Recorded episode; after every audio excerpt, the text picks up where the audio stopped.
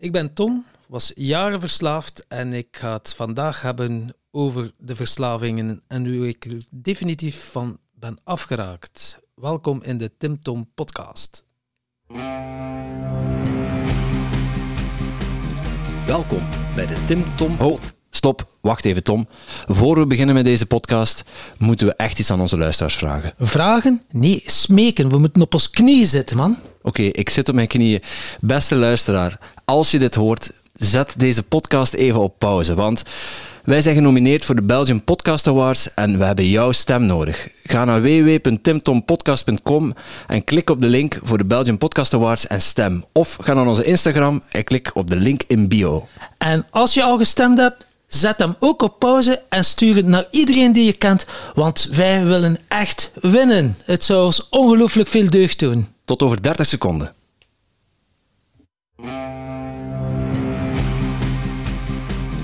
Welkom bij de Tim Tom Podcast. Ik ben Timothy. En ik ben Tom. Samen zijn wij jouw GPS naar geluk en succes. Dag lieve luisteraars. Ja, dit keer eh, is er maar één host in de Tim Tom Podcast, want eh, mijn eh, partner in crime die zit tegenover mij. En ik voel wel een bepaalde afstand tussen mij en, en mijn partner, want ja, hij is de gast vandaag. En eh, gaat vandaag alles, maar dan ook alles vertellen over het grootste keerpunt in zijn leven. Namelijk de dag dat Tom Brakke is gestopt met drinken. Zo, matje. Ja, Zit er dan? het is, eh, bizar hè, man. Zo recht tegenover elkaar zitten. Het is, eh, Ja, het voelt toch een beetje onwennig, ja. ja, dat is zo precies een Siamese tweeling dat ze zo'n beetje van elkaar hebben gerukt. Alhoewel dat niet weet hoe dat, dat voelt, hoor, maar eh, dat is een idee. Ja, eh, het zal het gedacht zijn, zeker. maar eh, ja, je ligt op de stip vandaag, want eh, je gaat alles uit de doeken doen over je verslavingsprobleem eigenlijk. Hè? Ja, en eh, ja, verslavingsprobleem kan je het wel stellen. Ik had, eh, alcohol heeft wel het meest in mijn leven gespeeld, alcohol. Maar eh, ik was er eh, eens een keer over aan het nadenken. Maar drugs heeft ook wel een belangrijke rol in mijn leven gespeeld. En suiker ook wel heel even. Emotioneel eten ook wel. Verslaafd aan liefde, verslaafd aan denken. Gokken heeft ook wel even gespeeld. Dus het is eigenlijk wel, ik ben wel vrij veel verslaafd geweest. Ja, ja. ondertussen je verslaafd aan podcasten, maar eh, Ja, daar gaan we voorlopig nog niet van afkicken. ja. Dat is, eh, die ga ik toch nog een tijdje volhouden, die verslaving, ja. En ja, als je eh, terugblikt op, ja, op je eigen leven, eh, wanneer was dat voor jou duidelijk dat je daar een probleem mee had met verslavingen? Wanneer was het duidelijk? Mijn verslaving heeft ook wel goede kanten gehad, uiteindelijk, als ik er nu over terugkijk. Maar ik zal misschien even een keer heel snel overlopen wanneer dat ik eh, de eerste keer besef had dat ik verslaafd was. Ik was als jongetje maar, heel stil en wat verlegen. Je zou dat nu misschien niet meer zeggen, maar... eh, en eigenlijk wel wat depressief. En op mijn 16 jaar is er een, eh, een magic pill in mijn leven gekomen. De ecstasy. En dan ging er een nieuwe wereld voor mij open. Ik voelde mij gelukkig. Ik voelde verbinding, kon verbinding maken met anderen. Ook precies verbinding met mezelf. Ik zag alles door een roze bril. Dus dat was heel leuk in het begin. En eh, ja, op den duur heb je meer en meer nodig. Hè. En dan bleef het niet bij ecstasy, cocaïne, speed, ja, marihuana. Maar ja, dat is oké. Dat was eh, gewoon om weer tot rust te komen. Maar die ecstasy, dat heeft echt wel, en die cocaïne en zo, dat heeft echt wel eh, een jaar of vijf geduurd. Zo, ehm, ja, of misschien ja, z- ja, 17 jaar tot mijn 23. Dus ja, het pakt maar zes jaar uiteindelijk. Eh, is dan in de uitgang eh, recreatief drugsgebruik of was het... In het begin Ernstig. de uitgang. Hè. Eerst was het eh, de zaterdag weggaan. En dan was het vrijdag en zaterdag weggaan. Dan was het vrijdag, zaterdag, zondag weggaan. Dan was het donderdag, vrijdag, zaterdag, zondag weggaan. Dan was het donderdag, vrijdag, zaterdag, zondag, maandag weggaan. Dus mijn eh, weekends wierden langer dan mijn weekdagen. En om de uur ging ik vijf dagen uit en twee dagen om te recupereren. En recupereerde je dan op school? Het school was ik dan op mijn 18 jaar, ja, eh, of 19 gestopt na mijn zesde. En eh, ja, dan ging ik volledig los uiteindelijk. Toen deed ik wel af en toe een interim job kunnen om mijn verslaving te kunnen bekostigen, als ik er eens over nadenk. En als ik zo even uitreken op die vijf jaar of zo, dat ik wel goed aan de doop heb gezeten, ja, spreken we toch over uh, ja, 4000 ecstasies, een kilo wit poeder, speed en coke. Um, ja, dat zal het dus wel zijn. Dus dat is al, uh, dat is al iets, dat is al, dat is al vrij Een aardig pakketje, denk ik. Dat is al een pakketje dat je... Als de politie u tegenhoudt met dat in een koffer, dan zit het wel ja, even vast. Ja, ja, ja. Het is wel... Uh, ja, het is eigenlijk wel heel zot. Ik was het over laatst dat uitrekenen. En dan nog, ja, smoren heb ik dan wel nog wel langer gedaan. Een jaar of 20, 25.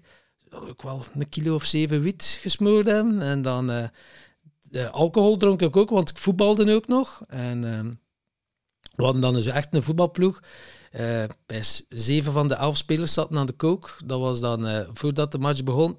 De trainer was buiten, up, lijntje op, op de tafel, iedereen een lijntje. En ja, dan voetballen. Dus dat was echt wel zot, eigenlijk. Ja, dat is wel redelijk crazy. Ja. dat is redelijk dat is crazy. niet meer recreatief, hè? Dat was niet meer zo recreatief. En um, ja, ik, en dan ook pinten drinken. Hè? Ja, dus dat heb ik langer gedaan natuurlijk, tot mijn 43. Maar uh, ik zal ook wel uh, 100.000 pinten gedronken hebben in mijn leven. Dus, ja, slap al. Ja, ik heb het zitten uitrekenen. Mijn verslaving uh, heeft mij toch wel een huis gekost. Dus dat uh, toch, spreekt me toch over een, een 300.000 euro dat, uh, dat ik geïnvesteerd heb in uh, alcohol en drugs. Dus ja, dat was al, als ik dat optelde, dan oh my god, maat. Maar uiteindelijk heeft het mij ook wel nog veel gebracht. Zo. Uh, misschien even, hoe ben ik van mijn drugs afgeraakt? Ik kreeg de kans bij de overheid op mijn 24. Ik zat, het was echt anders. Het was de jail of de overheid. Ik moet eerlijk zeggen, ja, je gaat dan mee gasten om. Drugsdealen, daar, van alles. Drugs, drugsmilieu, dat drugsmilieu. zit dan ook met een bepaalde soort klik vrienden. Ja. Uh, tussen aanhalingstekens vrienden. Er zitten wel wat deugnieten tussen, ja. De, ook wel een paar deugnieten die dan ook wel een tijdje op vakantie zijn geweest. Uh, de nieuwe wandeling. In, ja, bijvoorbeeld. Of in Brugge aan het Zeetje, of in Dendermonde. ja, ik heb wel uh, enkele vrienden geweest te bezoeken. En toenmalige vrienden natuurlijk.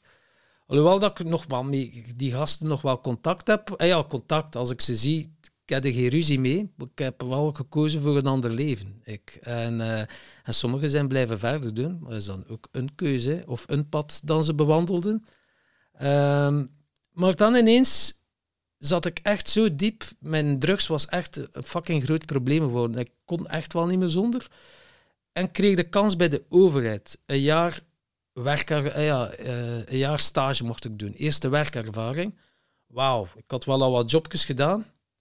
Ik had al wel wat jobjes gedaan. Um, zo, ja, in de fabrieken, hè, vijsjes indraaien, zelfs een keer achter de vuilkar gewerkt. Uh, van alles in. Ik denk in totaal 30 jobs, allemaal interimekes, gewoon om mijn verslaving te kunnen bekostigen. En dan kreeg ik de kans bij de overheid een jaar in Brussel. Wow, en ik zag dat echt een reddende engel. Ik zei, dat is een kans dat ik krijg in mijn leven. Een, een, ja, een tweede kans. En ik stopte onmiddellijk met de drugs. Dus ik had echt wel een doel dat groter was dan mijn probleem. En ik zei direct, ja, nu stop ik met al die shit. Had er, had er, had er daar dan last van?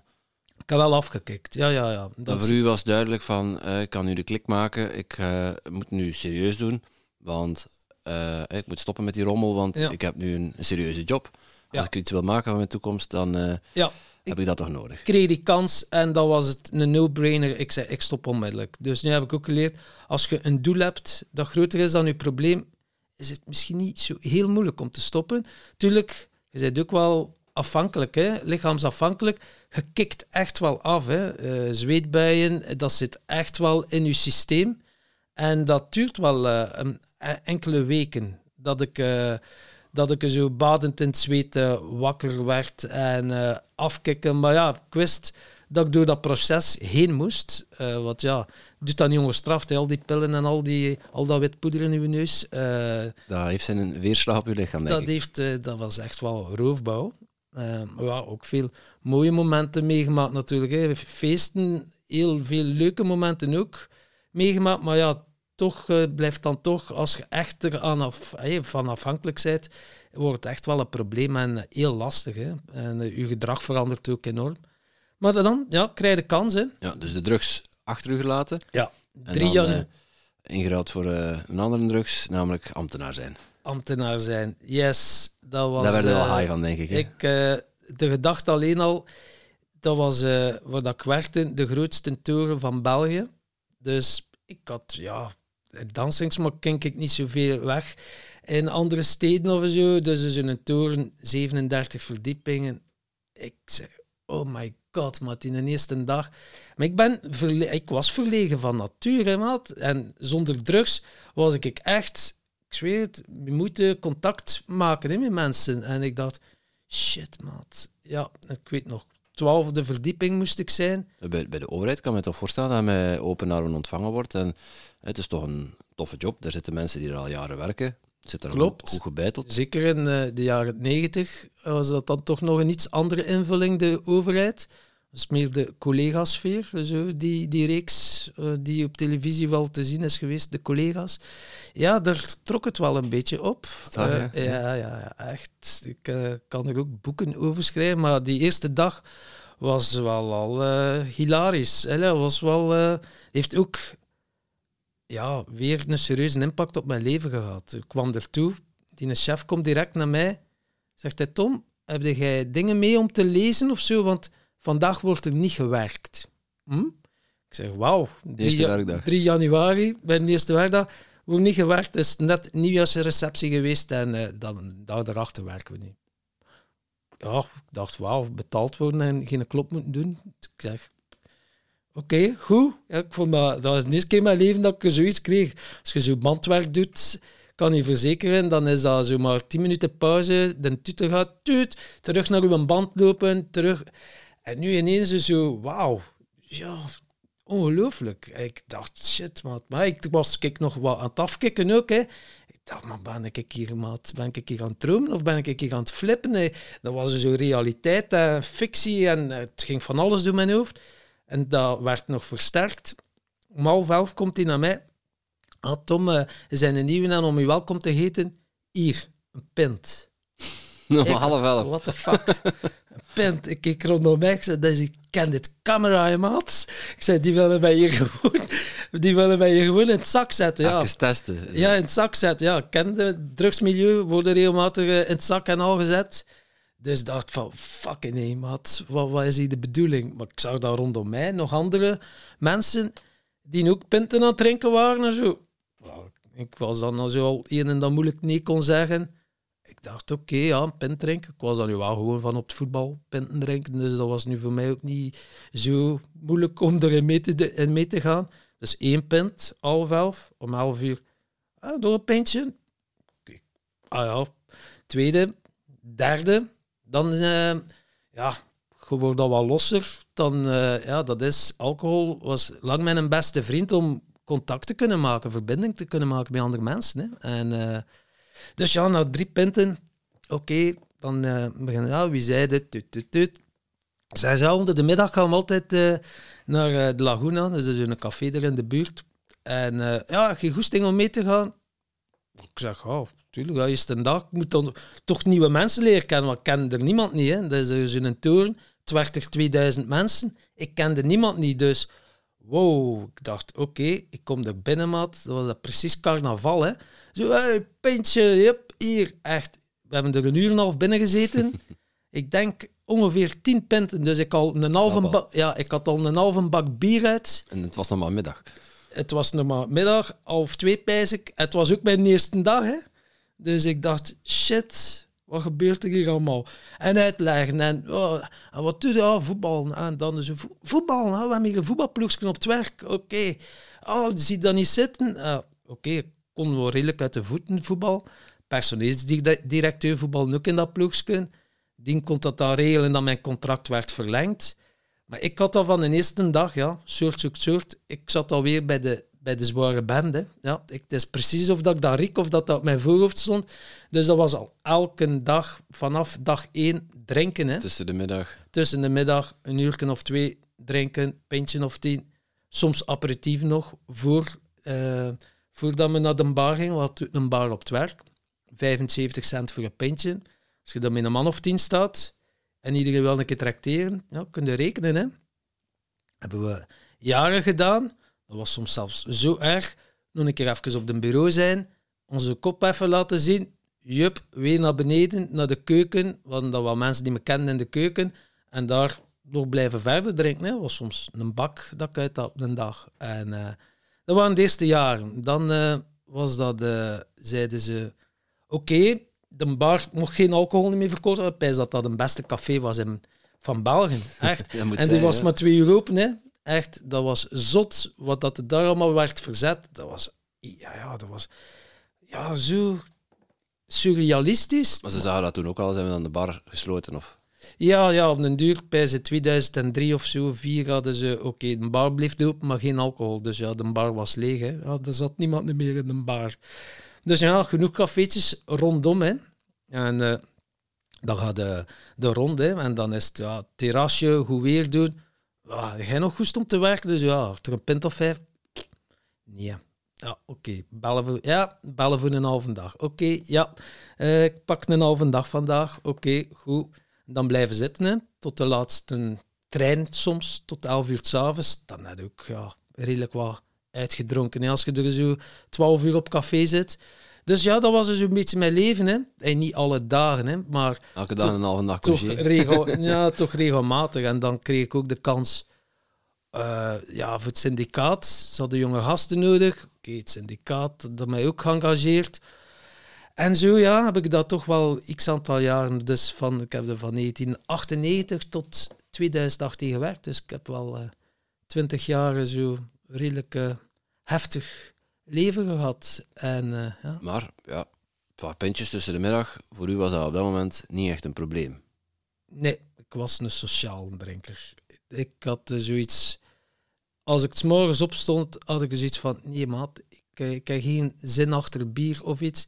En er waren mensen, collega's, die voordat die de dag starten, dan die eerst al een pint of drie moesten drinken om te kunnen functioneren. Die zaten dan echt zo met een bibber, die dronken drie pinten en dan waren die, konden die functioneren. En daar heb ik nu niet gehad. Ook niet zo van... Je zag dat dan en je dacht, ah ja, die zijn alcoholverslaafd. Die zijn ik heb zelf geen probleem. Of gasten die al whisky of vodka dronken en ik dronk eigenlijk meestal bier. Dus ja, en dan de omgeving, de mensen die met u waar dat mee omgaat, drinken allemaal evenveel of meer.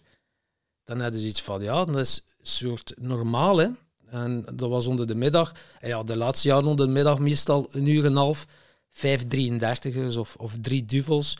Dat was eigenlijk wel standaard. Het was niet dat ik elke dag een bak uit had.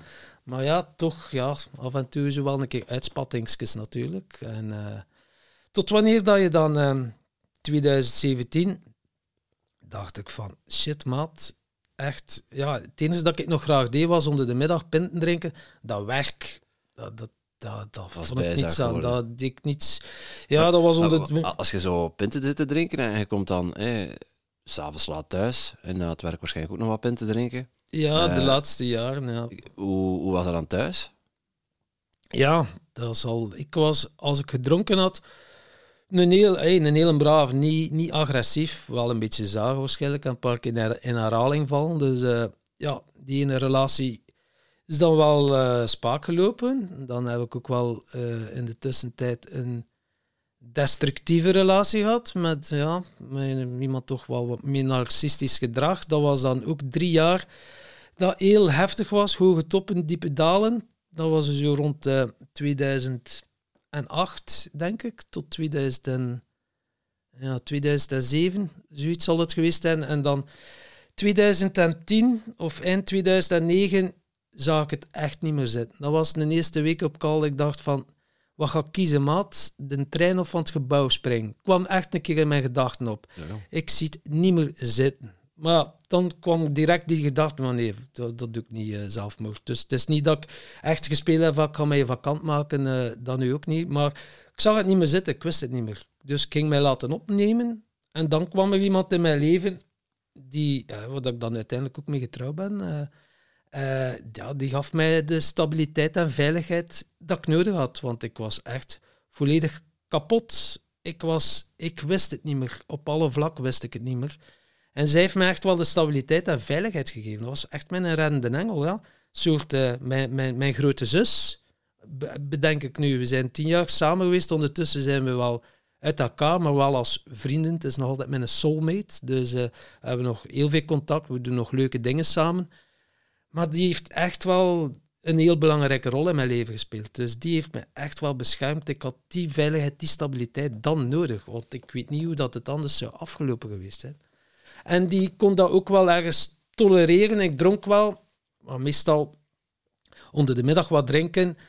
S'avonds thuiskomen was niet dat ik nog erachter op café ging. Af en toe wel, als het voetbal was of zo, dat wel. Maar we hebben heel veel mooie momenten gehad samen. Dan we gingen backpacken naar Thailand, eh, Indonesië, Cambodja, Laos, noem maar op. Dus we hebben eh, leren duiken, diepzeeduiken. Dus heel veel gedaan, heel veel avontuur ook. Ik was wel iemand dat nog functioneerde. Het is niet dat ik van 's tot 's avonds in mijn zetel lag. Maar je bent erop ingesteld. Hè? Dus eh, ja, dat drinken, dat hielp mij ook wel om niet naar mijn diepere pijn te moeten gaan. Dat ik het niet hoefde te voelen en die moeilijke emoties. Ik kon heel moeilijk gevoelens uit, emoties. Oeh, nee. Ik kon ook moeilijk heel ja, alleen zijn. Dat was voor mij ook zo lastig. Als ik alleen was, werd ik eh, zenuwachtig en dan ging ik wel weer mensen gaan opzoeken. En eh, nu besef ik ook van, ja, ik durfde gewoon niet fucking gecon- geconfronteerd worden met mezelf. Dat is wel, eh, ja. Ja, jezelf echt verdoven Ja. met, ja, met wel. alcohol, effectief. Met alcohol was een van die dingen. En ook conflictvermijdend zijn. Ik kan niet tegen ruzie. En ik kan ook mijn boosheid niet uiten. Dus ik wou iedereen zijn vriend zijn. En mijn masker was ook humor en positief zijn. Constant positief. Of minimaliseren. Bah, is toch zo erg niet. En ja, ik was ik van velen een goede vriend die met mij goed konden praten. Maar ja, hier diep van binnen voelde ik me soms heel ongelukkig. Maar ik liet dat niet zien, hè, want ik was de positivo. Ik was degene, de grappige. Dus daar heb ik ook wel mijn dingen van gemaakt. Eh, Mijn handelsmerk. Zo van, oh, een top, hè, een sociaal en dat. Dus, maar dat werd hoe langer, hoe lastiger om die rol, om dat masker te blijven volhouden. Zeker als je niet goed voelt, dan op den duur begint de leeg te lopen. En dat was dan in 2017 een bore-out. Hè. Echt niets van voldoening aan het werk. Ik wist het niet meer thuis. Hè. En dan dacht ik, fuck, wat moet ik hier... Allee, ja, en dat was dan ook nog gepaard mee... Was op Valentijn en dan kreeg ik ook nog een roos op Valentijn. Het was geen roos van mijn vrouw. Het was wondroos. En eh, ja, mijn voet was zo opgezwollen. Bijna het 40 graden koorts. Ik dacht, what the fuck, maat, wat gebeurt er hier? En dan dacht ik van, nu moet er echt iets gebeuren. Dan zag ik precies de dood voor mijn ogen, maat. Dat was er zo, shit, ik ga eraan. Ik zeg, shit. En dan, eh, dan ben ik wel op een manier ont, ontwaakt. De eerste keer ontwaakt, dan dacht ik, dan zijn er ja, heel veel dingen gebeurd. Kwam er zo een boekje op mijn pad, The Miracle Morning, en Master Your Mindset, Michael Pilarczyk. Dat was februari. Moore van Hal Elrod. Ja, dat was in 2017 eerste keer ontwaken. Weer een, een reddende engel. Nu met Valentijn, eh, dat was dus iets van, wauw maat, dank u, dank u. Ja. In december wa- 2009 was precies Sinterklaas dat een keer eh, de reddende engel was, in de vorm van mijn vrouw. En dan, ehm, ja, met die een drugs was het eh, precies de kerstman. Dat, was, eh, dat kwam. Dus eigenlijk zijn er wel allemaal figuren geweest die de, ja, bij toch op een of andere manier een reddende engel is gekomen. Allemaal met een lange baard, dat wel. Ja, dat is een feit. Cadeautjes uitdelen. Ja. En eh 2017, Hal Elrod, ja, ik wou meer energie, zo was dat boekje op mijn pad gekomen. Ja, een uur vroeger opstaan en meer e- focus, meer energie. Oké, dat is dan de lifesavers. De S-A-V-I-R-S. Ja, ja, heel kort. Je doet zes dingen op een uur. Savers is een acroniem voor de S silence, dus even mediteren. A affirmaties zeggen. De V iets visualiseren. De E exercise, dus een workout. De R iets inspirerend lezen. En de S scribing, iets schrijven. Ja, we hebben er ook eh, een e-book over gemaakt. Hè. Klopt. Eh, Ja. In ons e-book staat eh, de Miracle Morning ook terug. Dus de mensen daar meer over willen weten, kunnen ze daar... een hele keer belangrijke boek geweest. Die, die savers, maar wat dat mij nog meer aantrok, dat was zijn persoonlijk verhaal. Die was had een zwaar accident gehad, alles was gebroken in zijn lijf. En die zegt, alles is mindset. Met je mindset kunt alles. En in zijn revalidatie was hij aan het revalideren. En hij zei van, ja, ik, ik ga toch ik ga een marathon lopen, maat. Zitten dienen. En ja, alsof dat dan nog niet genoeg was in zijn rivaliteit, zegt hij, nee, ik ga een dubbele marathon lopen. Dacht, what the fuck, man. Dan een kerel, maat. In zijn ziekenbed, kan niet meer bewegen. Ja, Neemt shit. de beslissing om een dubbele beslissing. marathon te lopen. Ja, en heeft hem ook, eh, ja, als je het boekje niet hebt gelezen, niet hem ook uitgelopen. Maar dat triggerde niets bij mij. Ja, ik had ook al 15 jaar niet gesport. Voetbal mocht ik niet meer. Ik had ondertussen ook wel twee keer mijn, eh, mijn kruisband afgescheurd. Eh, ja, een keer op het werk ook met eh, een ding, met een sportdag op het werk met voetbal. Dus dat was ook al eigenlijk een teken van het universum. We zijn niet de goede kant aan het opgaan. Besef ik nu achteraf. Maar oké, die marathon lopen. Het zat in een half marathon. Ik zeg nee, ik ga geen een half marathon lopen. Ik zeg ik loop een marathon. Ik zeg op zeven maanden. Was in februari dat ik dat besliste. Of acht maanden, ja. In oktober ga ik in lopen. Ik zeg, moet wel wat speciaal zijn. Ik opzoeken, wat zijn de marathons? Ah, ik zeg Lissabon. Ik zeg, wat weer is daar? Hm, herfstzonneken, 20 graden. Goed, ik zeg, ideale omstandigheden om je eerste marathon te lopen. Dus ik had weer een doel in mijn kop om ehm, ja, van mijn alcoholprobleem, mijn alcohol. Nee, ik zeg als ik, ik moet lopen in een marathon, ook tegen vrij veel mensen gezegd, ik loop een marathon. Dus ik weet niet hoe lang geleden dat ik nog gesport had. De eerste keer dat ik een kilometer liep, ik zweer het u, dat was heftig. En ook nog alle dagen smoren, dus marihuana en dan ook nog sigaretten en zo. En eh, ik was niet echt gezond. En eh, oké, dus eh, met een boek gekocht hè, met schema van marathon lopen, vier of vijf keer in de week trainen.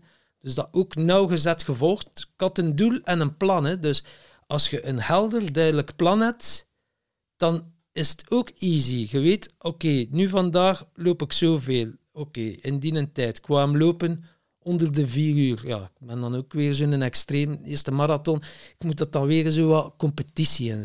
Ja, het moet minstens 10 km per uur zijn. Hè? Ja. Ja, dan was er zo iets van, ja, op, oh ja, op die dingen had ik getraind. Natuurlijk, had ook niet, kan ook de mensen aan, eh, aanbevelen, als je zoiets beslist, doe aan vooronderzoek. Eh, want Lissabon blijkt vrij bergachtig te zijn. Het behoort tot een van de zwaarste marathons. Wist ik veel, Dat is gebouwd op zeven heuvels. eh, ja, ik dacht, what the fuck. Oké, trein. Ja, wel af en toe een keer in Dardenne ook geweest, dus ik pakte het wel serieus. Ik had ook al tegen zodanig veel mensen gezegd. En die zeiden, maar jongen, brakke, kun jij dat niet? Ja, dan ben ik zeker gemotiveerd. En eh, uiteindelijk heb ik hem wel eh, uitgelopen. Het was wel in, in 4 uur 30. En eh, ja, dat herfstzonnetje, het was dan een hittegolf van 33 graden. Maar ik had hem uitgelopen. Dat is geen slechte tijd voor die condities. Hè? Dat was, ja, en ik dacht van wauw, maat, ik kan hier veel aan. En, maar dan begon ik weer te zuipen. Ik dacht, shit, op discipline en wilskracht alleen gaat hier niet lukken. Hè? En dan dacht ik van, oké, ik had iets gelezen, stoppen met alcohol via hypnose. Ik heb het in de podcast al af en toe een keer verteld. Heel kort, ik had dat gelezen. Ik zocht even op Google. Wie is hier de goedkoopste? Hier in de buurt. Oké, ik kom bij iemand uit. Ik bel hem. Zegt, ah, je mocht morgen al komen. Ik zeg, hm, dat is snel. Oké, eh, verslaving. een klein voorgespreksje, niet lang. Maar eh, zegt, oké, leg u maar. Kom bij mij.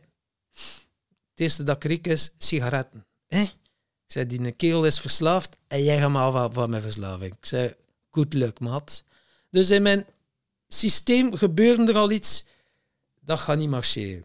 Maar ik dacht, wauw, wat dat die kerel kan, dat kan ik beter.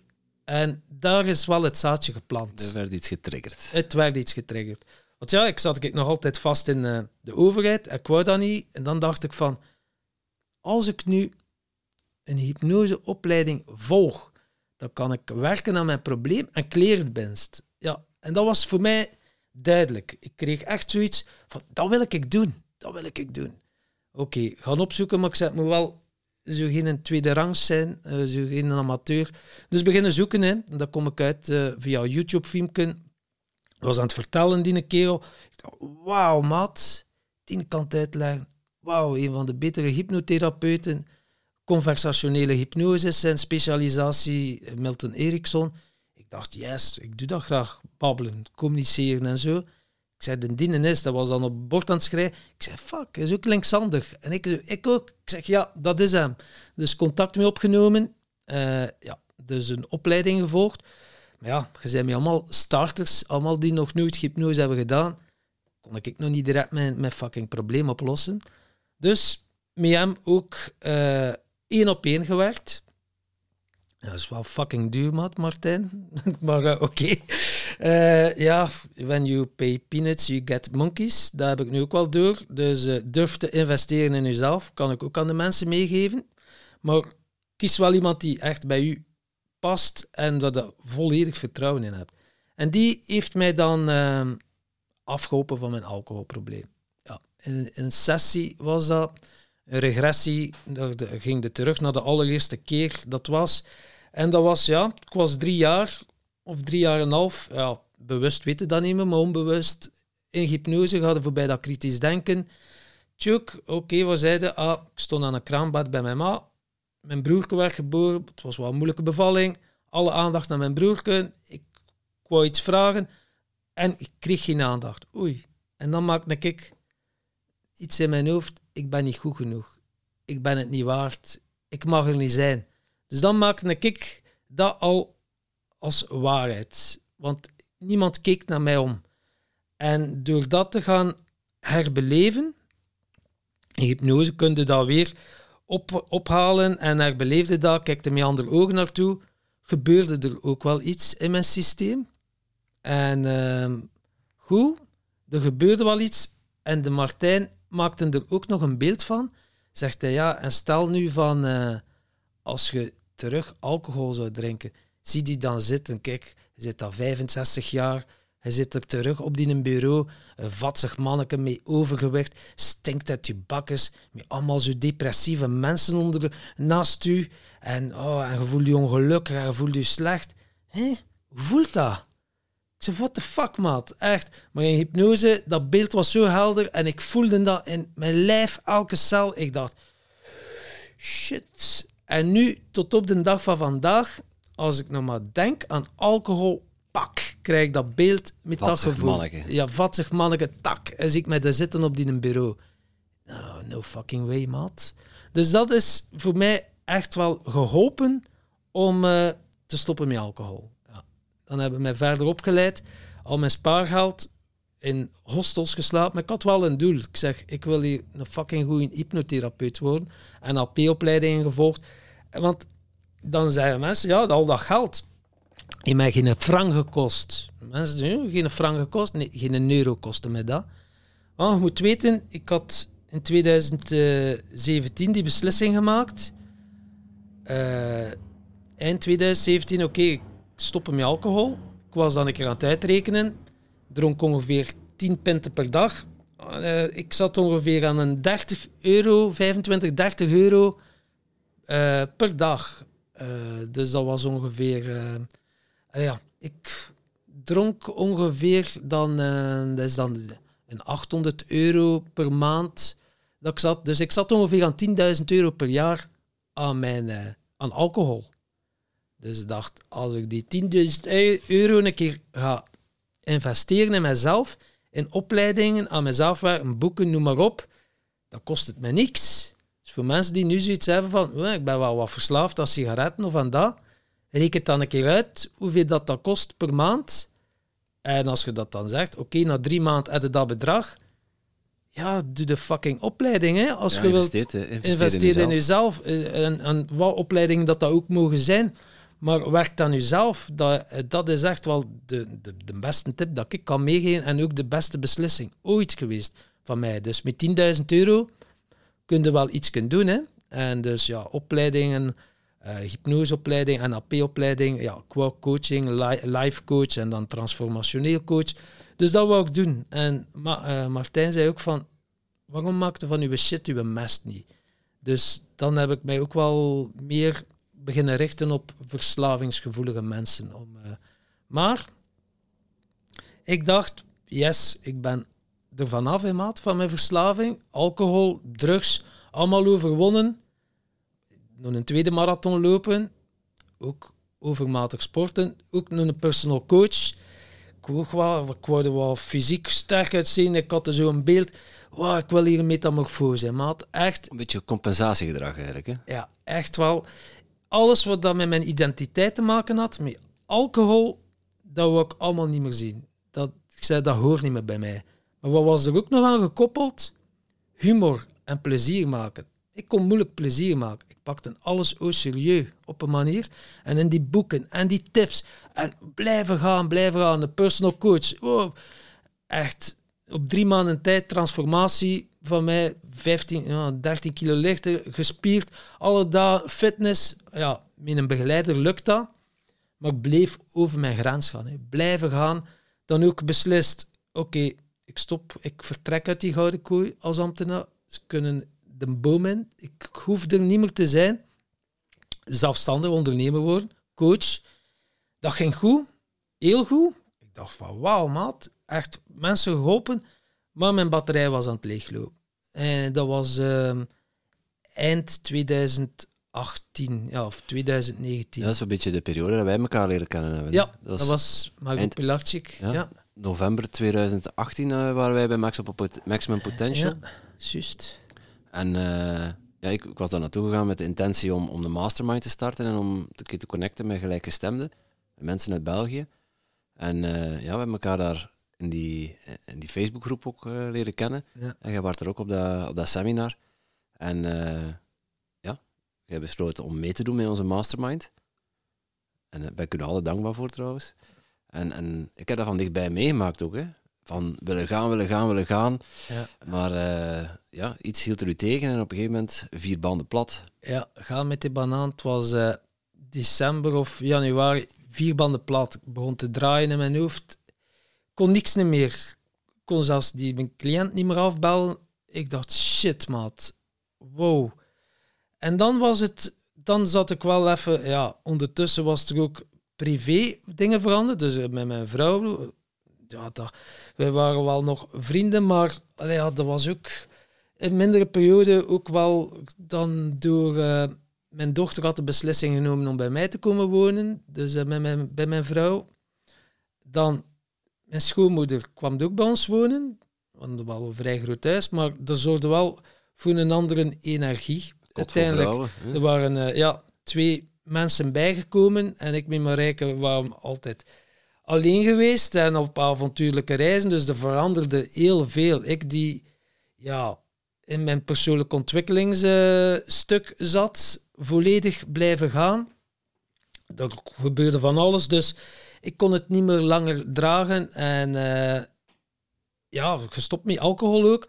Dus alles wat ik verdoofd had, ik had niet zo de manieren meer om het nog te verdoven. Dus overmatig sporten deed ik, hard werken. Ja, nee, niet, eh, als ambtenaar heb ik dat niet gedaan, eh, mensen.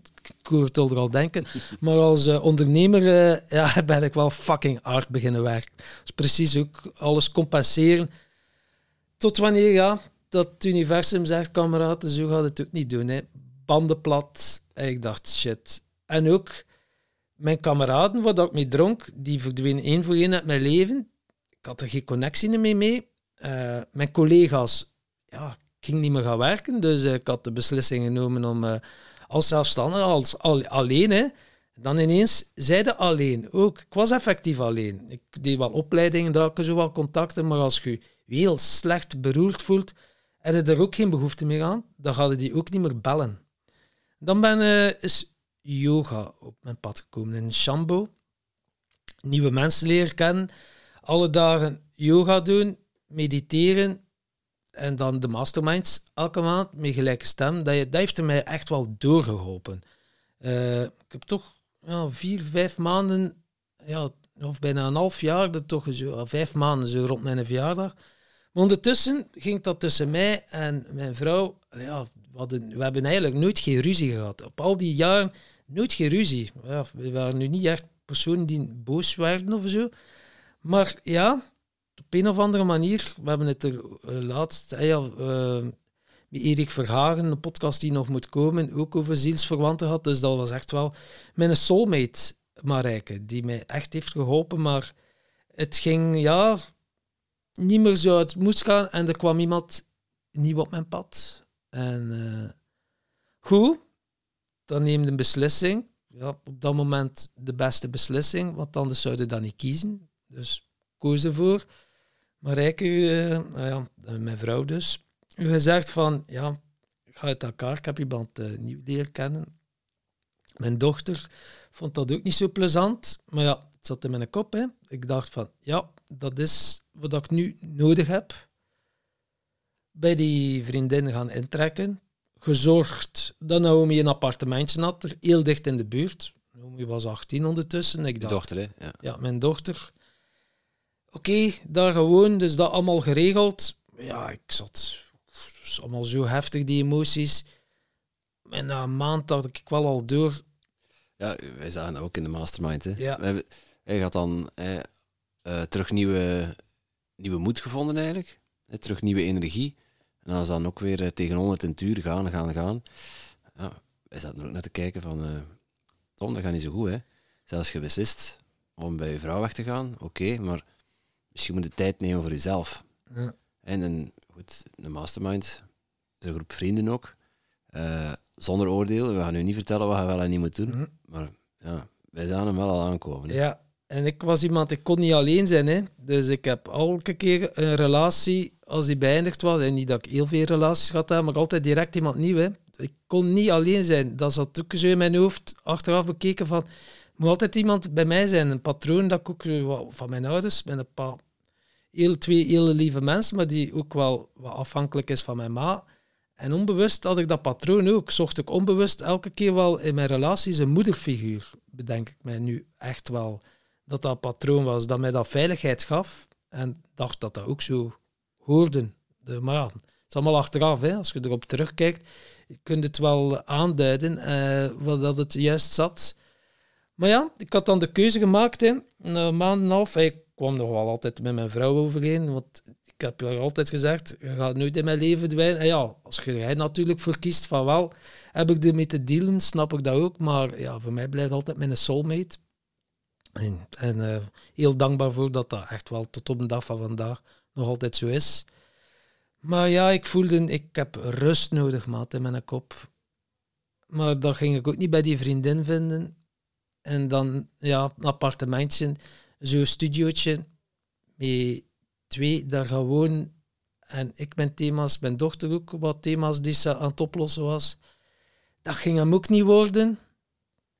Ik was dakloos, hè, man.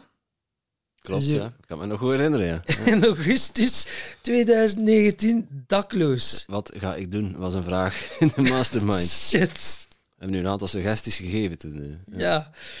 En dan eh, dacht ik van, eerst en vooral moet ik tot rust komen. Ik zat nog niet zo diep dan dat ik dan die een burn-out had. Maar ik voelde van, wow, ik moet die nu wel direct... eh, ja, om de uur hadden wel voelsprieten ontwikkeld van, eh, zover ga ik het niet laten komen.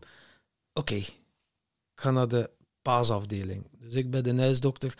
Ja, ik wil mij even laten opnemen. Paasafdeling, psychiatrische afdeling bij het algemene ziekenhuis. Waar dat, ja, waar dan ook verslaafden zitten, mensen die depressief zijn. eh, er zit een beetje van alles. In alle gradaties ook, heb ik er mogen ondervinden. Oké, naar daar. Hè. Ik heb dat ook wel al in andere podcasts verteld, daar mijn verhaaltjes. Maar heel kort, ik heb er drie weken gezeten. Psychiater zei van, na tien minuten, meneer Brakke, ik zie het, u bent depressief. Ik zeg, ik zit hier nog maar even. Ik zeg, jij weet dat, hoe weet je dat? Ik met een klinische blik. Ik zeg, eerst en vooral, dank u voor de hypnoseopleiding allemaal. Ik zeg, als ik dat ga aannemen, die suggestie, ik ben het, ik ben depressief. Nee, je hebt het niet, je doet het. Dat was Edwin Selei, ben ik heel dankbaar voor dat ik dat geleerd heb van dat je dat niet doet. Je doet verslaafd, je doet depressief, want als je het bent, is dat je de identiteit geraakt er niet meer vanaf. En ik zei, excuseer, ik zei, ik doe misschien depressief, maar ik ben niet depressief. Hier is de oplossing. Kast open. Ja. allemaal pilletjes. Het walhalla van de junkies. Yes, kalmeerpilletjes, slaappilletjes, allerlei pilletjes. Ja. In alle kleurtjes, alle vormen. Ik dacht, oh my god. Werd ge- teruggecatapulteerd de Balmoral, de Boccaccio. Ik dacht, dat gaan we niet meer doen. Ik heb er zo al een paar duizend gepakt en uh, blijft drugs. Hè. Sommige mensen hebben er misschien baat bij. Ik weet niet, 1 miljoen mensen pakt uh, antidepressiva al jaren aan een stuk. Dus oké, sommigen zijn ermee geholpen. Ik heb er iets andere ideeën over. Uh, en ik zei tegen hem, ik zeg sorry, daar gaan we niet aan meedoen. Ik kies, ik geloof in mijn zelfgenezend vermogen. Ik heb gewoon enkel rust nodig. Dan zie je meneer Brakke, dan denk ik dat ik verder voor jou niks meer kan doen. Oké, goed jongen. Rust in mijn kop, dat heb ik nodig. Ah, de eerste dag een kamer alleen. Ik dacht, ah, thank god, maat. Yes, kamer alleen. Tweede dag komt er iemand toe. Ja, ene met ADHD. Jee, komt er binnen. Een hele positieve, hey, hey, heel druk. ik was het niet. Hè? Nee, het was, uh, nee, was ook voor de mannen. Het was voor de mannen. En uh, hij vond mij dan nog een hele knap. Ik was zijn type. En uh, daar heb ik ook geleerd om grenzen te stellen, moet ik zeggen. En uh, zo'n positivo, die altijd, het glas is altijd al vol bij hem. Alhoewel, bij hem was dat niet. Zijn glas was altijd leeg, want hij zat er ook voor een alcoholprobleem. dus ja, uh, ik heb er soms nog contact mee. Dus eigenlijk wel een heel toffe, vrij goed gelachen. Dus het is ook belangrijk dat die even in mijn leven is geweest. Dus het was eigenlijk wel zot. En daar dan gezet erin, maar ik was wel met, met het idee, ik ga wel niet enkel als patiënt, maar ook als onderzoeker en als therapeut. Want ik had wel mijn methode om mensen ervan af te helpen. Ja, wat ik gezien? hypnotherapieopleiding. En ik had uh, hypnose en mijn NLP, dus ik had wel zo mijn manier om mensen ervan af te helpen. En uh, ik dacht, hm, ik ga dat toch een keer testen. Maar ja, in het begin moest ik eerst aan mezelf werken. Hè. Dus die rust en dan ja, zo wat therapie en uh, sport doen. En dan kwam er een keer iemand klappen, een klinische psychiater. Maar dat, ja, die dingen die ze dan gaven, en dan was ze zo van, ja, en het probleem, en dan die woorden aan ze gebruikt. En ik zeg, mevrouw, ik zeg, dat probleem, ik zeg, kan je dat niet veranderen door uitdaging of groeikans? Ik zeg, dan wilde wel hetzelfde zeggen, maar dat geeft dan toch een iets ander gevoel. Dat vinden ze niet leuk, hè? Als ze zo'n mooie PowerPoint hebben gemaakt die ze aan het aflezen zijn en waar dat er niets van uh, emotie en dingen bij zit, dat vinden ze niet zo leuk als je er opmerkingen op geeft. Uh, oké, uh, meneer Braak, maar mag nu verder gaan? het is maar een uur. Ik dacht, oké, my god. Ja. Dus ja, de, bij de professionele mensen hebben we eigenlijk niet zo heel veel vriendjes gemaakt. Een paar wel hoor paar waren toch andersdenkend, die dan toch meer gezonde voedingen al bezig zijn. Ik zeg, ja, dat eten dat er krijgt, dan maakt de mensen nog meer ziek. Ik had dat dan ook een opmerking.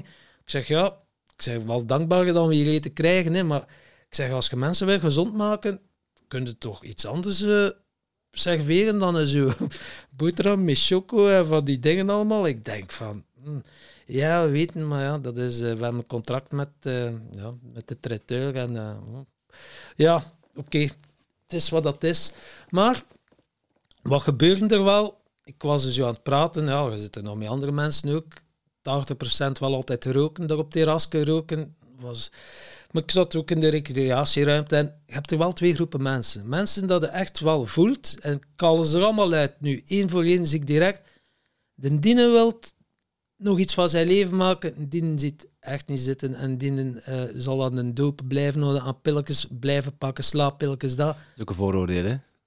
Ja, vooroordeeld, kan. Maar ik voel het wel. Ik zie het, ik zie het in die mensen al de ogen.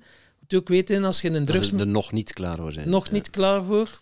Klopt, dat is misschien een kleine nuance, maar als je zo in drugsmilieus en dingen gezien hebt, leer de mensen wel kennen. Hè? Dan uh, heb je voelsprieten ontwikkeld, kijkt er wel door mensen heen. En ik merkte dat ook wel, als ik met mensen praat, die zeiden, Tom, ik weet niet wat dat je gedaan hebt, want je hebt drie kwartier met mij gepraat. Ik voel mij zo goed, dat met een psychiater en die psychologen, dat heb ik nog niet ervaren wat ik nu met u heb ervaren. Hm, ik zeg, hè, dat marcheert. Ja, conversationele hypnose, je kunt dat tijdens gesprekken ook doen. Hè. Ik dacht, wauw, dat heeft dan ook wel weer voor mij iets geweest van yes, ik zit op het goede pad. Dat is echt wel mijn taak hier, om mensen, om een gids te zijn, eh, zelfbewuste mensen te gidsen eh, op een pad naar een leven zonder verslaving. Bedacht ik dan van, dat is het gewoon wat ik moet doen. Eh, dan, oké, mensen de jaren verslaafd zijn, kunnen die direct van hun verslaving afhelpen? Die vraag zat in mijn kop. Ook dat, het zat er redelijk wat verslaven. En het universum zegt, bewijs het een keer, maat. Dus krijg een situatie op mijn pad ik zit in de recreatieruimte. Komt de vrouw zo van... Help, help, wat moet ik doen? De psychiater is op reis. Ik zeg, ademen. En ze verschiet. Ik zeg, heeft hij een psychiater een toverfluit misschien? Ze lachte. Ik zeg, je lachte. Ik zeg, ben jij dat of iets anders? Ik zeg, sluit je ogen. Ik zeg, ga naar een moment dat je heel hard moest lachen. Ik zeg, waar ben je nu? Dus dan gaat echt wel een nieuwe situatie andere gevoelens oproepen.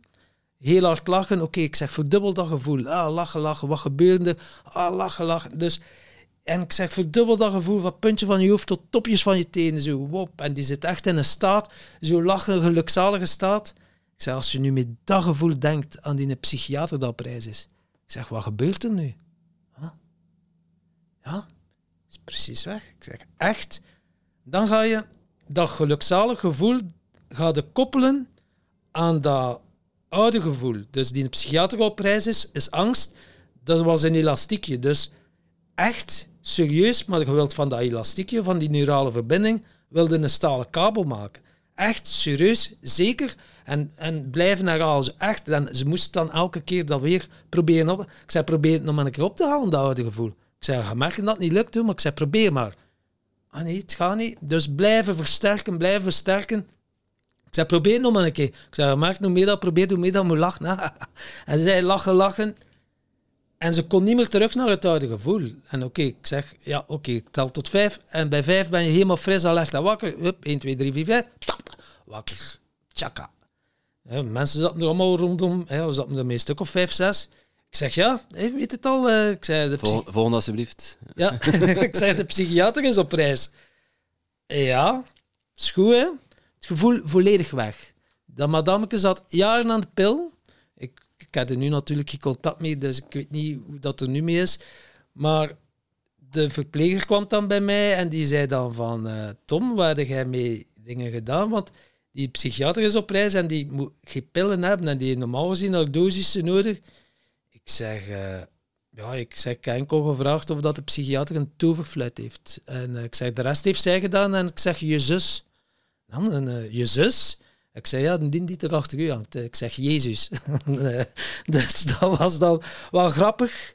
En uh, dan mijn derde week heb ik eigenlijk nog, ja, nog wel enkele hypnosesessies gedaan bij de patiënten die uh, wouden werken aan zichzelf. Ehm, heb ik wel, ja, wel mooie dingen nog gedaan. Dus dat gaf mij ook wel het vertrouwen en de boost voor ja, weer ja, verder te gaan. Ja. Het zaadje voor uh, jouw coachingspraktijk, hypnotherapie, Klopt. Is, uh, geplant. Maar, en... maar natuurlijk nog een kleine tussenstap. Uh, kan nog altijd geen dak boven mijn kop. Hè. Ah nee, ik wou nee. zeggen, want je zat nog in de paas. Ik zat nog in de paas, hè, dus die drie weken waren gedaan. Wel met een koffer vol inzicht, inspiratie en energie ben ik er wel buiten gegaan. Echt dankbaar hè, dat ik dat heb mogen meemaken. Dan dacht ik, ja, nu, ja, bij mijn vrouw kwam wel weer goed overeen en we gingen het nog een keer opnieuw proberen. Uh, dat was, uh, ja, zo van oké, we gaan nog een keer, uh, eigenlijk al die tijd, ik had ook zoveel respect voor haar, ah, dat ik, ik voelde mij eigenlijk wel wat een klootzak. Mm, dat ik dacht van, damn. tweede kans, ja. maar ja, niet de bedoeling om direct dan weer bij haar te gaan wonen. In eerste instantie wel, wou ik dat was dat weer zo met een angst. Zo de dingen die u vertrouwd zijn. Zo van, nou, misschien toch weer gewoon, maar is niet zo de optie. Oké, bellen naar mams en paps. Hè. Ah, ik kom nog een keer even bij jullie wonen. Want ik zat, mama. ik zat nog met een contract van een jaar voor dat appartement. En twee huisuur kon ik niet betalen. Naomi, dat was dicht bij haar school en zo. Dus ja, mm, en ik moet zeggen, tot op heden is dat mijn beste opleiding ooit geweest. Terug vijf maanden bij je ouders. Ja, wat was het grootste inzicht bij je ouders opgedaan had? Ehm, het grootste inzicht dat ik daar heb opgedaan, dat er nog fucking veel patronen in mij zaten, die zij deden op een iets andere manier, maar die ik eigenlijk ook deed. En mij afhankelijk maken van mensen. Niet, eh, ook geen eigenaarschap nemen. Soms wel in die slachtofferrol gaan. Zo van, oh, zie een keer dat mensen medelijden met u zouden hebben. Ik zeg nu niet dat mijn ouders zo eh, overdreven is, maar voor mij werd dat wel uitvergroot dat ik dat af en toe deed. En ik dacht van, en pleasen, zo iedereen zijn vriend willen zijn en zo het mooier laten schijnen dan dat u werkelijk voelt. Ja, zo dan heel veel mensen doen, hè. rolletjes spelen, hè. een maskerknop. op. Hè.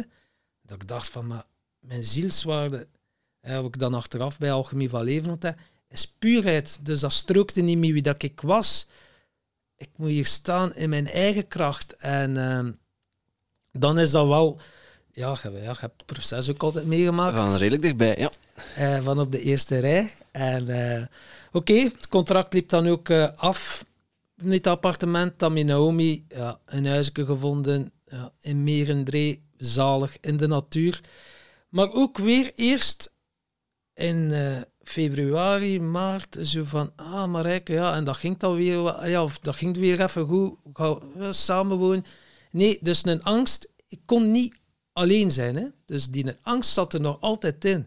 Dan zeiden ze van, ja, het is misschien toch beter elk apart te wonen en te zien wat dat dag geeft. Nog dankbaar voor dat, dat we dat beslist hebben toen. Maar ja, bij mij zat angst. Hoe kan ik dat wel af voor mij alleen zorgen? Het is ongelooflijk als ik er nu op terugkijk van waar zat ik met mijn gedachten? Tuurlijk kun je dat. En uh, tot op heden lukt dat heel goed en heel plezant. Dan ook tijdens Alchemie van Leven kwam er weer wat processen naar boven. En dan hadden we ook zo, keken we naar elkaar zo rijk, hey, hoe, hoe, graag dat we elkaar ook zien, hey, hoeveel respect dat we ook voor elkaar hebben. Maar gewoon als goede vrienden uit elkaar gaan en als soulmates verder door het leven gaan een iets andere relatie, maar ook wel nog een hele mooie relatie die we nu koesteren. En uh, heel mooi dat je met twee personen zoiets kunt beslissen. Uh, het moet altijd met twee zijn natuurlijk. En, uh, en zo is ja, mijn verslavingen, ze is plantmedicijn ook op mijn pad gekomen. Want ik merkte dat de destructieve relatie, dat merkte ik die moment niet, dat de plantmedicijnen mij dat laten zien. Ja, daar hebben we ook, ook een podcast over opgenomen, hè, ja, de klopt. 77. Juist, over de ayahuasca. Ayahuasca. En dat was dan uh, ja, dat stuk dat er nog zat. En dan um, zei die shamaan, ik heb de verschillende planten. Ik zeg ook wel aan de mensen, het wordt mooi in uitgelegd, dat is ook niet voor iedereen. Dat uh, is no bullshit. Uh, dan kun je, wel belangrijk dat wat stabiel bent, want het kan heftig binnenkomen. En die plant, keer dat erin zit, kun je niet terug uh, zo zeggen, oh nee, nee, dat wil ik niet zien. dat werkt niet. En die shaman zei van, iboga, iboga wordt een keer ingezet. Bij mensen die verslaafd zijn, slagingspercentage van 83%. Maar uh, als je in dat proces zit, ik zweer het die mensen, dat is niet plezant. Dat is vijf dagen. Ik heb vijf dagen niet geslapen ik uh, de ziel uit mijn lijf gekomen. En Iboga is de grootvader van de planten. Iboga zegt, ik heb het, hè, ik zeg het regelmatig in de podcast, hier is je fucking probleemmaat, hier heb je mee te dealen. En uh, dat was mijn drugsperiode, dat er nog in zat. Alles wat ik verdoofd had met alcohol, met drugs, elke situatie, ook de deugnieterij die ik had uitgestoken, uh, onder invloed van, alles moest ik eerst nog een keer zien. En doorvoelen en doorleven. Ah, weet je dat nog? Ah, hier, weet je dat nog? Ah, weet je dat nog? Wow, dat echt wel weglopen en er zat zoveel schaamte op. Ah, dat schaam ik, ja, schaam op. En het liet me ook wel zien, die plant liet me ook wel zien, dat is de reden waarom dat het gedaan hebt. Je wou erbij horen, je wou stoer zijn, maar dat waarde hij niet. Dat was gewoon, je wou graag gezien worden. En dat viel dan, dat voelde dan wel zoiets van, oké, snap het, waarom dat ik dan die moment die beslissingen nam. Nu, ja, zou ik andere beslissingen nemen, maar dan die moment was dat voor mij de beste beslissing die ik nam. En door dat ook allemaal te zien, is er iets in mijn systeem veranderd. Die Iboga zorgt er ook voor dat nu neurale verbindingen worden, dat je een wit blad hebt. En je kunt nieuwe neurale verbindingen leggen. En het andere is overschreven. Je kunt natuurlijk weer slechte gewoontes doen. Hè. Dat kiesde weer zelf. Dan dacht ik van nee, dat, dat wil ik niet meer. En uh, het verandert ook je DNA, die plant. En elke plant, dat is een Afrikaanse wortel, iboga. Ayahuasca is dan Zuid-Amerika. Peyote is dan Noord-Amerika. Hier hebben we de, de champignons en de truffels. Ja. Zo. Ja, ja en mensen, ik hoor mensen denken van DNA veranderen, maar voeding kan nu DNA heel makkelijk veranderen. Hè. noemen we epigenetica. Ja. Als uh, mensen er meer over willen weten, moeten ze maar eens opzoeken. Ja. Maar uh, ja, ik merk er ook wel bij u dat je er anders in de wedstrijd zat. Maar jij kwam thuis met een gevoel van, oh ja, dit is het, ik heb het opgelost. Maar uh, ik zag dat het nog niet had opgelost. Nee. Ik dacht, wacht maar Tommeke. Volgende. Volgende cyclus, daar komt u zelf alweer tegen. Het leven is circulair. Hè? Het komt elke keer terug naar u toe in een andere vorm. En wat ik geleerd heb en wat ik mogen zien heb tijdens een van mijn reizen, innerlijke reizen, is zolang dat je het niet doorleefd en doorvoeld hebt, geeft het universum of het leven u elke keer die situatie terug, zodat het kunt oplossen. Maar als jij er de boodschap niet in ziet en je bent niet bereid om naar die diepe pijn te gaan, dan gaat die, gaat de blijvende situaties op je pad krijgen. En dat, daarom heb ik zoiets van antidepressiva, kalmeerpillen, noem maar op. Ga je dat gevoel verdoven, zodat het gewoon niet kunt oplossen. Blijf de constant die soort situaties op je pad krijgen. En ik zeg het soms ook nog, je pijn is je goudmijn. Sta, als je dat kunt, die pijn echt toelaten, er naar kijken, het bestaansrecht geven, kan het transformeren. En als het uit je systeem is, ga je ook die situaties niet meer tegenkomen. Dan komen er wel weer andere situaties, dan ga je weer een laag dieper. Maar je kunt het een beetje voorstellen dat wij een magneet zijn. En wij trekken enkel de dingen aan waar dan wij op trillen, op, op welke golflengte dat we zitten. En dat zijn de situaties die we nodig hebben. Maar als je er niet uit leert, blijf je die situaties constant hebben. Zoals een computerspelletje. Dus je had nog een lesje te leren. Ja, zoals een computerspelletje. Je zit in een level, je leert skills. Tak, tak, tak. Op het einde, alle skills dat je geleerd hebt, yes. Moet het een keer bewijzen of dat het gesnapt hebt. Een eindbaas. Vechten, vechten, vechten. Je wilt dan verslaan. Ah, niet gelukt. Weer opnieuw beginnen. Alle skills. En uw skills weer oefenen, oefenen, oefenen, oefenen. Practice, practice, practice. Tot wanneer dat het in uw systeem zit. En je verslaat een baas. En je mag naar het volgende level. En zo is het in het leven ook. Moet naar het volgende level. Nieuwe uitdagingen, nieuwe kansen. Nieuwe skills te leren. Nieuwe doelen. En zo, door zo naar het leven te kijken, maakt het wel makkelijker. Omdat je dan ziet, alles wat op je pad komt, is, is er meer reden. Dus hebt u, uw trainers, mensen dan u prikkelen, triggeren, uh, u emotioneel laten worden. Dat is allemaal met de reden of situaties die nu, ja, ja, dat je niet leuk vindt, dat je zegt, oh my god, waarom, waarom, waarom, waarom? En wel, omdat het nodig hebt. Het leven geeft u enkel maar de dingen die je nodig hebt, niet de dingen die jij wilt. En wat kwam er dan op je pad? Want je zei recentelijk tegen mij van, ik heb de code gekraakt. Ja. Maar ja, na je boga had ik gezien dat het nog niet helemaal gesnapt had. Nee. Uh, wat is er in de tussentijd nog gebeurd waardoor je ja, um, wat is er in de tussentijd nog gebeurd? Echt, sommige dingen die je hebt meegemaakt en ervaren kunnen zo diep, diep in je systeem zitten. En uh, ja, door. Uh, dan heb je soms andere personen nodig die uh, dat naar boven halen. Ik had zo kort eh, ja, met iemand dat ik een goed contact had tijdens een ecstatic dance. En om de nu begon ik de gevoelens mee te, te krijgen. En we gingen dan een peyote-ceremonie doen. Dat was in laatste instantie, zei ze, ja, ik zou wel meegaan naar die peyote-ceremonie. Ik dacht van, oké, goed.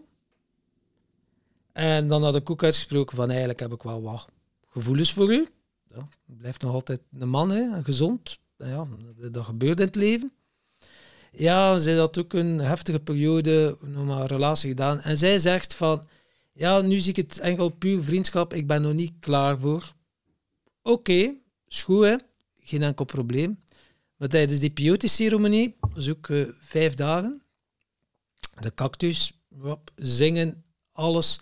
Plezant, plezant, zweethutten, maar ook niet slapen. Maar wat gebeurt er als je niet slaapt?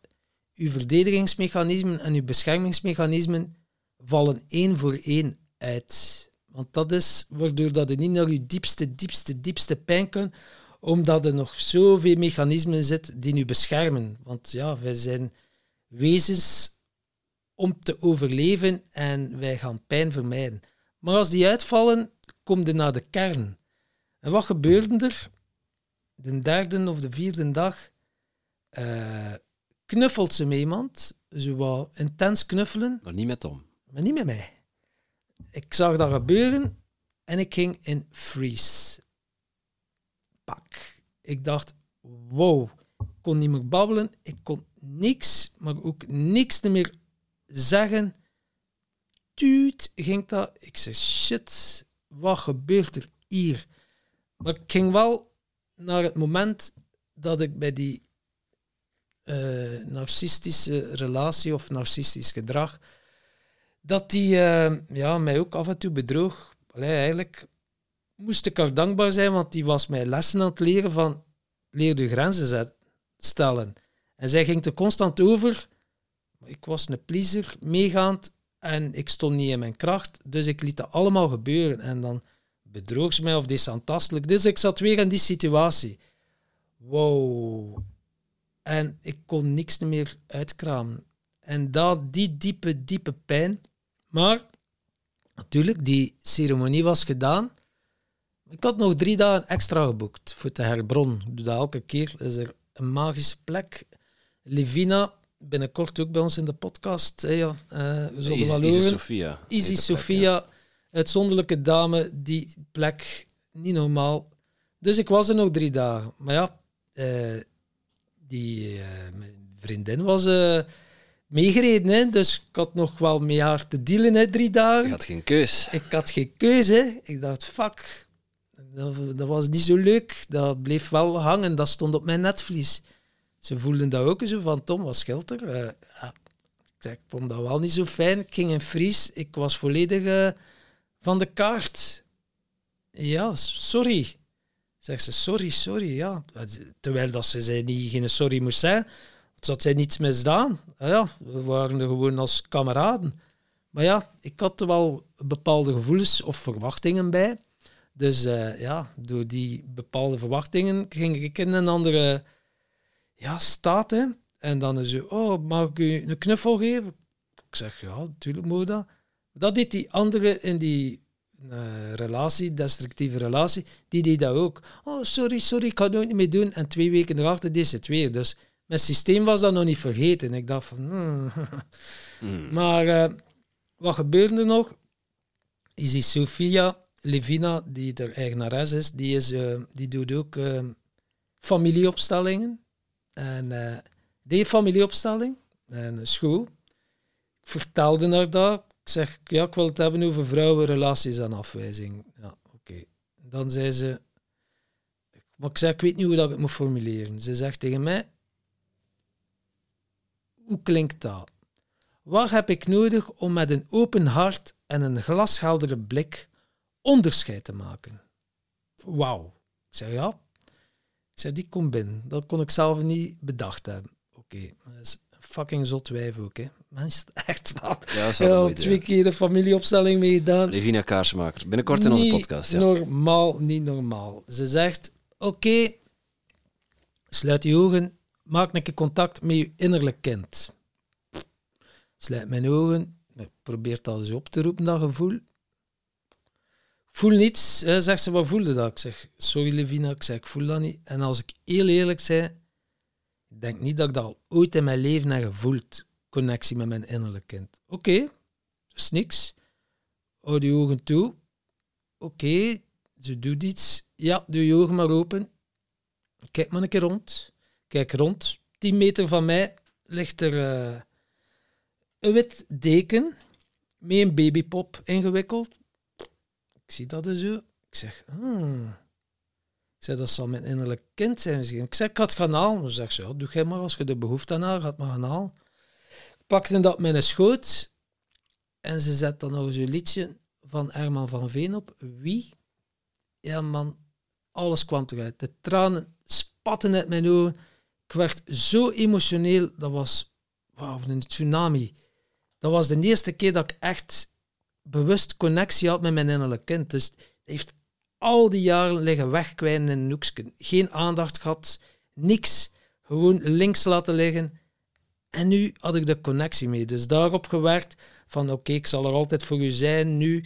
En nu heb ik ook er dagelijks connectie mee. Ik praat ermee. Ik heb er zelfs gezegd van, je kunt ook een altaar maken met babyfoto's, dat je daar elke keer contact mee maakt, s'morgens, s'avonds.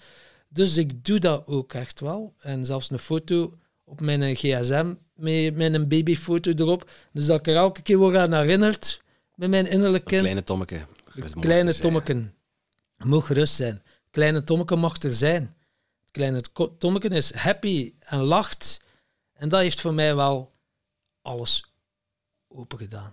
Uh, dat is voor mij zo transformatie geweest dat ik dacht, wauw. En ik kwam terug, ik was dan nog aan het praten met de Peter Snauwaard, is een fucking kerel met zijn uh, sales, maar sales vanuit het hart uh, doet hij. En ik had dus zo de show, top ja, kerel. Ja. ja, en ik had uh, met hem dat al een keer gedaan, nou, voor, voor wat cliënten en zo, maar wel, wel vanuit het hart.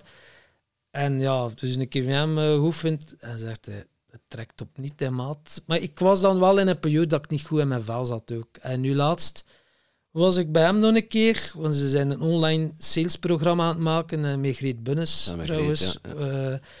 Uh, ja, dat fucking goed is. En ze wouden mij ook als demonstratieobject erbij.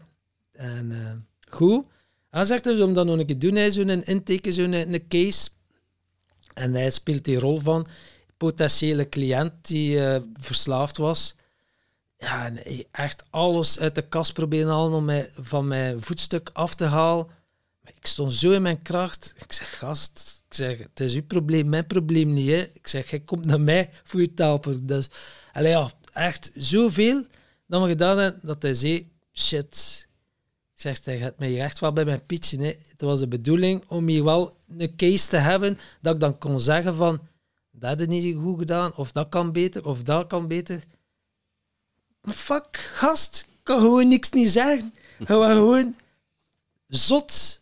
En ja, dat geeft dan wel een boost ook, maar het voelde ook zo wel. En nu voel ik mij zo krachtig en ben ik nu ook wel Facebook Lives aan het doen, dat ik echt wel mensen zeg, kan ik iedereen helpen? Naar mijn gevoel, kan misschien ego zijn, heb ik dus het gevoel, yes, kan. Wil ik iedereen helpen? Wil ik iedereen helpen? No fucking way. Wie, wie wilden we dan wel helpen? Wie dat ik wil helpen? Mensen die bereid zijn om naar die diepste pijn te gaan. Mensen die zoiets hebben van, het is een momentopname, maar ik ga er door. Maar ik kan het niet alleen doen, ik heb hulp nodig. Ken iemand die mij bij het tandje neemt, die dat pad al heeft bewandeld, iemand die al in die diepte heeft gezeten, die al die donkerte heeft ervaren, zo iemand wil ik die mij begeleidt. Maar ik ben wel bereid alles te geven. En dat is wel voor mij een voorwaarde, omdat ik ook alles geef. Als ik iemand begeleid, dan ga ik door een vuur. Dan gaan we er gewoon lossen door. En dan dat diepzeeduiken, denk ik, dat uh, Marijke, mijn vrouw, heeft mij dat ook geleerd, diepzeeduiken. Is het ook als je op 25 meter diepte zit, is het wel belangrijk dat er vertrouwen is. Want uh, dan komen er ook allerlei angsten. Dus dat is wel mijn metafoor van ik pak u mee in de diepte naar die diepe pijnen, weliswaar onder hypnose. Dat is wel een veilige setting. En daar gaan we het werk doen. En ik meet zeker met tien energie, met mijn energie, dat ik fucking veel problemen kan oplossen. Ja, daar ben ik wel van overtuigd.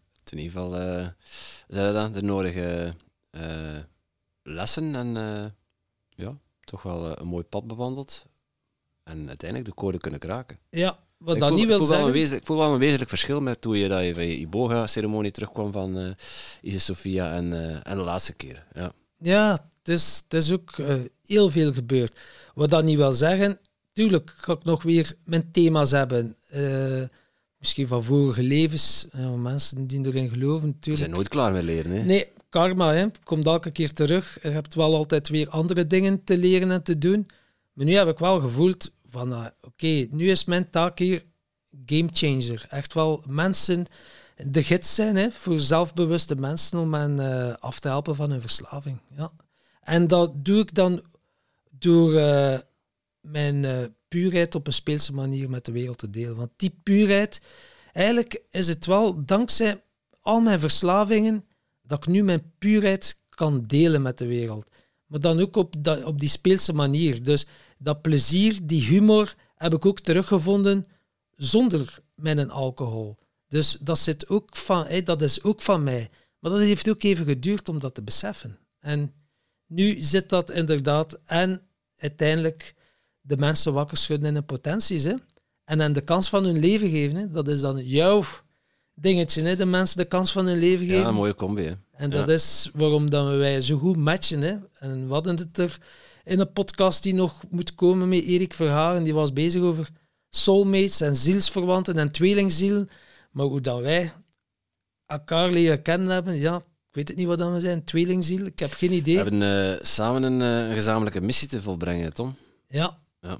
En dat is... eh, het is nog maar net begonnen. En, maar ja, je hebt eerst je rugzak zelf te legen. En je weet het nu zelf ook. Hè. Je, je zit nu een keer een beetje aan de andere kant, hoe dat, dat aanvoelt, burn-out. Waar dan ook heel waardevolle inzichten en lessen in zitten. En ik laat u ook doen. Dat is Zeker. eigenlijk het Zeer beste dat je voor. kunt doen. ja.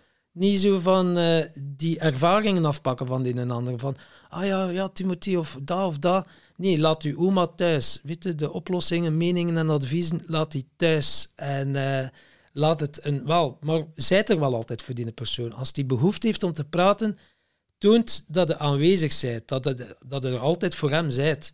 En dat denk ik dat je al heel goed moet doen. En als ze zelf advies vragen van, oh, hoe heb jij dat gedaan? Dan kun je een keer zeggen van, ik heb het op die manier gedaan of dat, dat wel, maar ga niet zelf uw adviezen beginnen geven. En dat is ook een valkuil bij heel wat coaches, waaronder ik zelf ook. eh, ja, coaches of vrienden. Ja. tijd, eh, ja, dat je denkt van, ja, ik heb het zo opgelost, dus, maar iedereen heeft een andere handleiding. Het komt er gewoon op neer, dat vertrouwen. En zoals Dirk Oliebrand ook zegt, ik heb dan alchemie voor coaching ook gedaan. Het is afstemmen hè, op die persoon en energetisch. Hè. Je gaat al eerst gaan voelen en daar het werk doen. En ik weet nu ook, ik heb heel lang hypnose gedaan. Hypnose is vooral ook een mentaal dingetje, het mentale. Maar als je dat combineert met het spirituele, energetisch, dat is zo'n combo en dat is wel de code die ik... Want iedereen draagt de sleutel bij zich. Hè. Ik eh, kan hem enkel maar ervoor zorgen dat hij naar de, dat hem vindt, uw sleutel. En het jij die jezelf bevrijdt. Dat, Ja, dat doe ik zelf, niet. je moet zelf de sleutel pakken. Moet het- hem in het sleutelgat steken en Ja. moet hem omdraaien. bevrijden. En dat doet hij zelf. En iedereen heeft die wijsheid. Dat zit in iedereen. Maar soms heb je een keer iemand nodig die je erbij helpt of die je een keer een spiegel is, zodat je de feedback krijgt die je nodig hebt. Want ja, eh, Albert Sonneveld zegt het, hè. Eh, je kunt jezelf niet aan je eigen haar uit het moeras trekken. En dat is een die echt wel eh, blijven hangen is. Ja, die En- komt er helemaal in keer terug Ja, ik vind dat, zo, ik vind dat ook zo'n mooie, zo een mooie metafoor. Ja, en, en Van, het is ook... het- dat, iedereen kan zich daarbij voorstellen wat hij mee bedoelt. Hè? Maar het is ook jezelf de tijd geven om ehm, ja, je proces, het proces te laten zijn. Ja. Hè, dus niet verwachten dat je vandaag op morgen eh, van je probleem af bent. Of dat je genezen bent. Of dat je een oplossing hebt.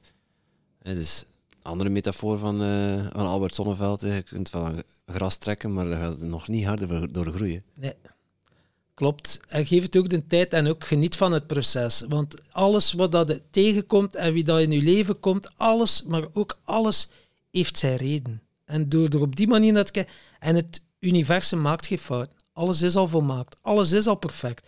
Wie zijn wij dan om te denken van, ah ja, alles is perfect behalve ik. Ja, de- al die miljoenen jaren Ja, evolutie alles en is meneer is perfect. niet perfect. Ja, meneer dus jij zit dan degene dat niet perfect is. Ja, dat is fucking egoïstisch denken.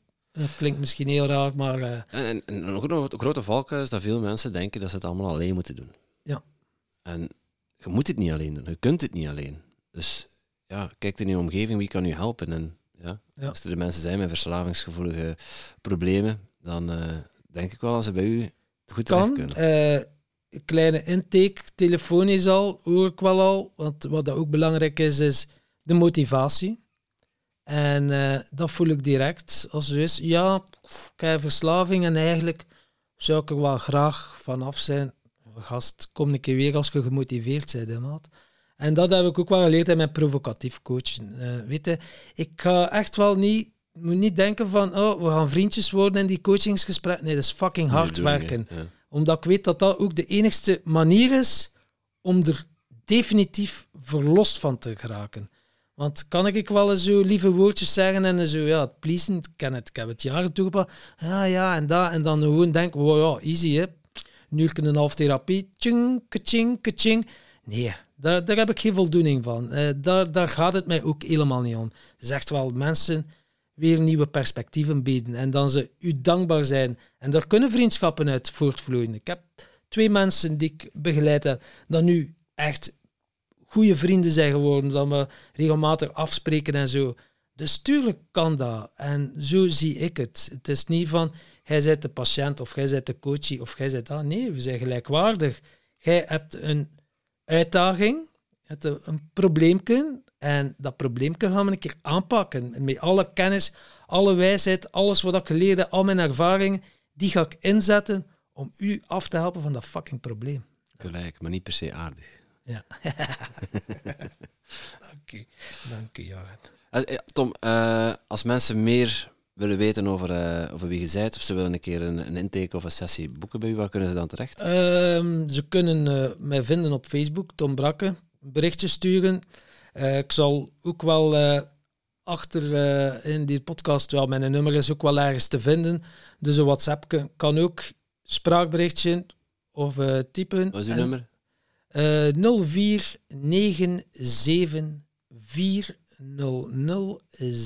0497400674. Kijk. En op LinkedIn ben ik ook wel te vinden. Dus meerdere wegen om mij te vinden. En, En, info eh, Tim Tom Podcast. Hè. en de Eén Tim adres Tom eigenlijk. podcast, zeker en vast. Maar geen garantie of dat ik met u wil samenwerken. Dat wil ik er ook aan toevoegen. Maar ik geef iedereen gelijke kansen. Dus we gaan alleszins een gesprekje hebben. En eh, denk ook even na van, ja, wil ik echt wel van mijn probleem af of niet? Of is het nog te vroeg? Of twijfel ik nog wat? Maar als je echt heel diep zit en je hebt dus iets van, nu is het genoeg geweest. Ja, call me. Yes. Nu is het genoeg geweest. Ja. Goed, merci Tom. Was eh, Alsjeblieft. inspirerend eh, levensverhaal. Merci. Bedankt om dat te delen. Okido. En jij natuurlijk ook super bedankt om te luisteren naar deze podcast. Voel jij je geïnspireerd? Je zou ons een enorm plezier doen door ons 5 sterren te geven of een review achter te laten in jouw favoriete podcast-app. En wil je geen enkel inspiratiemoment missen? Abonneer je dan op onze podcast of volg ons op social media at TimTom Podcast. Oké, dan moet je weer terug aan de Tom. Hè?